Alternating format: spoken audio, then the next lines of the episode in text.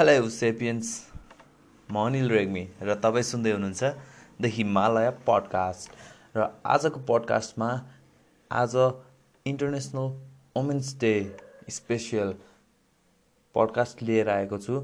त्यसमा म केही महिलाहरूको बारेमा भन्नेछु जसले जियोलोजीको सेक्टरमा उल्लेखनीय योगदान दिनुभएको छ। र म यो कुरा चाहिँ इजियु ब्लग्स भन्ने एउटा ब्लगबाट लिएर आएको छु र यसमा सर्वप्रथम त एकजना महिलाको नाम छ जसको नाम हो मेरी एनिङ मेरी एनिङ भन्ने बित्तिकै उहाँ चाहिँ एउटा फसिल कलेक्टर हुनुहुन्छ। उहाँले इक्थायोसर र प्लेसियोसर भन्ने दुईवटा रेप्टाइलको फसिल डिस्कभर गर्नुभएको थियो। त्यो पनि एटिन हन्ड्रेड्समा। है। एटिन हन्ड्रेड्समा जियोलोजिकल सोसाइटी अफ लन्डनले उहाँलाई मेम्बरसिप नदिए पनि उहाँले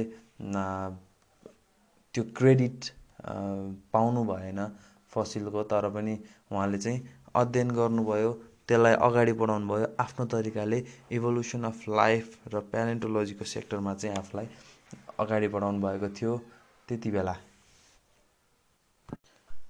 यसै गरी अर्को नाम छ फ्लोरेन्स बास्कम है? फ्लोरेन्स बास्कम भनेको चाहिँ उहाँ चाहिँ क्रिस्टोलोग्राफी मिन्डोलोजी र पेट्रोग्राफीको एक्सपर्ट हुनुहुन्छ हुनुहुन्थ्यो। उहाँ चाहिँ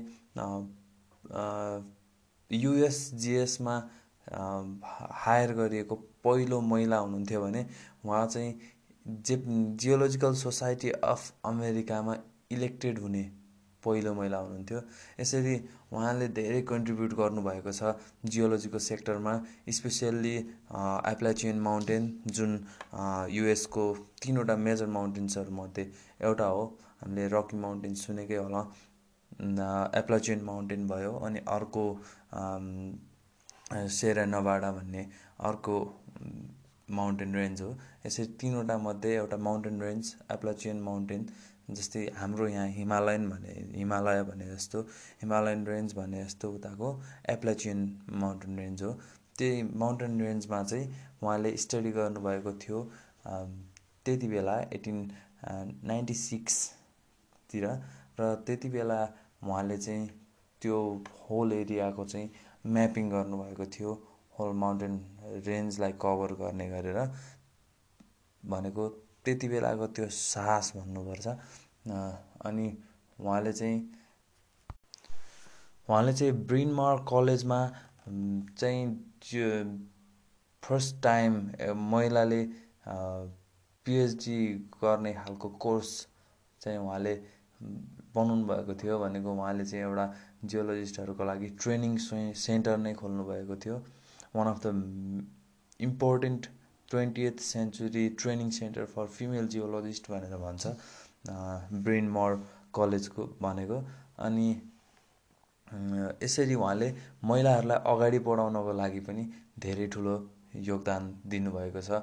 यो त्यति बेलाको मेल डोमिनेटेड वर्ल्डमा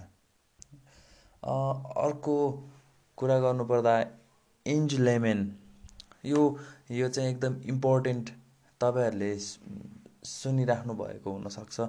लेमेन डिस्कन्टिन्युटी भनेको हाम्रो इनर कोर र आउटर कोरको बिचको डिस्कन्टिन्युटीलाई चाहिँ हामी लेमेन डिस्कन्टिन्युटी भन्छौँ। त्यो लेमेन डिस्कन्टिन्युटी चाहिँ इन्ज लेमेनको नामबाट आएको हो र लेमेनको चाहिँ एकदम यो ट्रिब्युटमा गुगलले उहाँको one hundred twenty seventh birth डेमा चाहिँ टु थाउजन्ड फिफ्टिनमा गुगलले आफ्नो लोगोमा इन्जलाई एउटा ट्रिब्युट गरेको थियो लोगो चेन्ज गरेर। भनेपछि इन्च चाहिँ डेनिस साइस्मोलोजिस्ट हुनुहुन्छ र उहाँले लेमन डिस्कन्टिन्युटी चाहिँ उहाँको नामबाट राखिएको हो भनेपछि उहाँले चाहिँ कोरको बारेमा स्टडी गर्नुभएको थियो सेस्मिक वेभ्सहरूको ट्राभल कसरी हुन्छ र सेस्मिक वेभहरूको बारेमा स्टडी गरेर उहाँले चाहिँ अर्थको इनर कोर चाहिँ पत्ता लगाउनु भएको ओके अब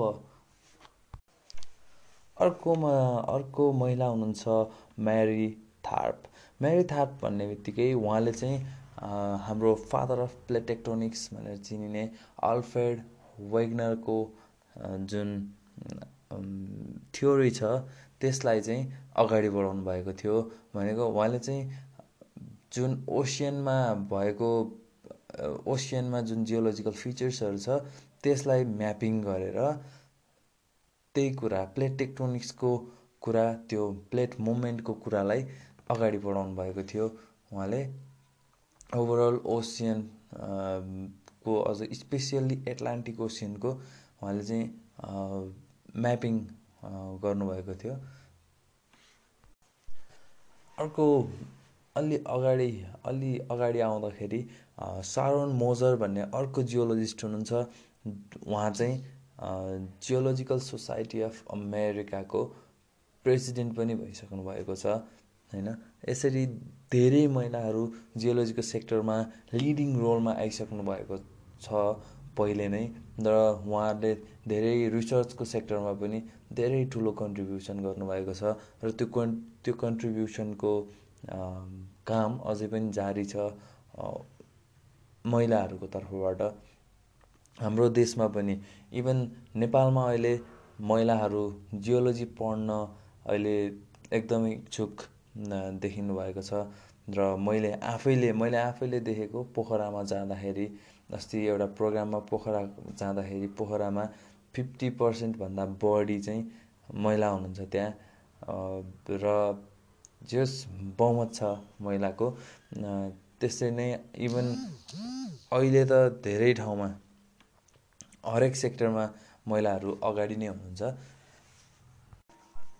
अब अबको अबको काम भनेको के छ भन्दाखेरि अब चाहिँ मेरी एनिङ अनि त्यसपछि Florence Bascom Inge Lehmann Marie Tharp जस्तो महिलाहरूको कन्ट्रिब्युसन जस्तै अब यो ट्वेन्टी एथ सेन्चुरीको ट्वेन्टी फर्स्ट सेन्चुरीको वुमेनहरूको कन्ट्रिब्युसनको बेला आएको छ र जियोलोजीको सेक्टरमा यस्तो कन्ट्रिब्युसनहरू अझै होला भन्ने अपेक्षा गर्दछु।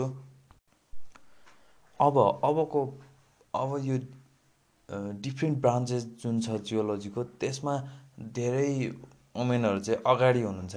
अब स्ट्रक्चरल जियोलोजीको केसमा मिनरोलोजीको केसमा पेट्रोलोजीको केसमा hydrogeology environmental geology palaeontology petroleum geology सबैमा महिलाहरूको भूमिका एकदमै राम्रो छ र धेरै छ र अहिले अहिले माइनिङ जियोलोजीको सेक्टरमा समेत महिलाहरू धेरै देखिनु भएको छ स्पेसियल्ली नट इन नेपाल नेपालमा भन्दा नेपालमा आएको नै धेरै भएको छैन बाहिर छ। हाइड्रोजियोलोजीमा महिलाहरू धेरै हुनुहुन्छ नेपालमै पनि धेरै काम गर्दै हुनुहुन्छ नेपालमा पनि अहिले धेरै राम्रो बनेको छ जियोलोजीको फिल्ड ज जस टनेलमा काम गरिराख्नु भएको छ।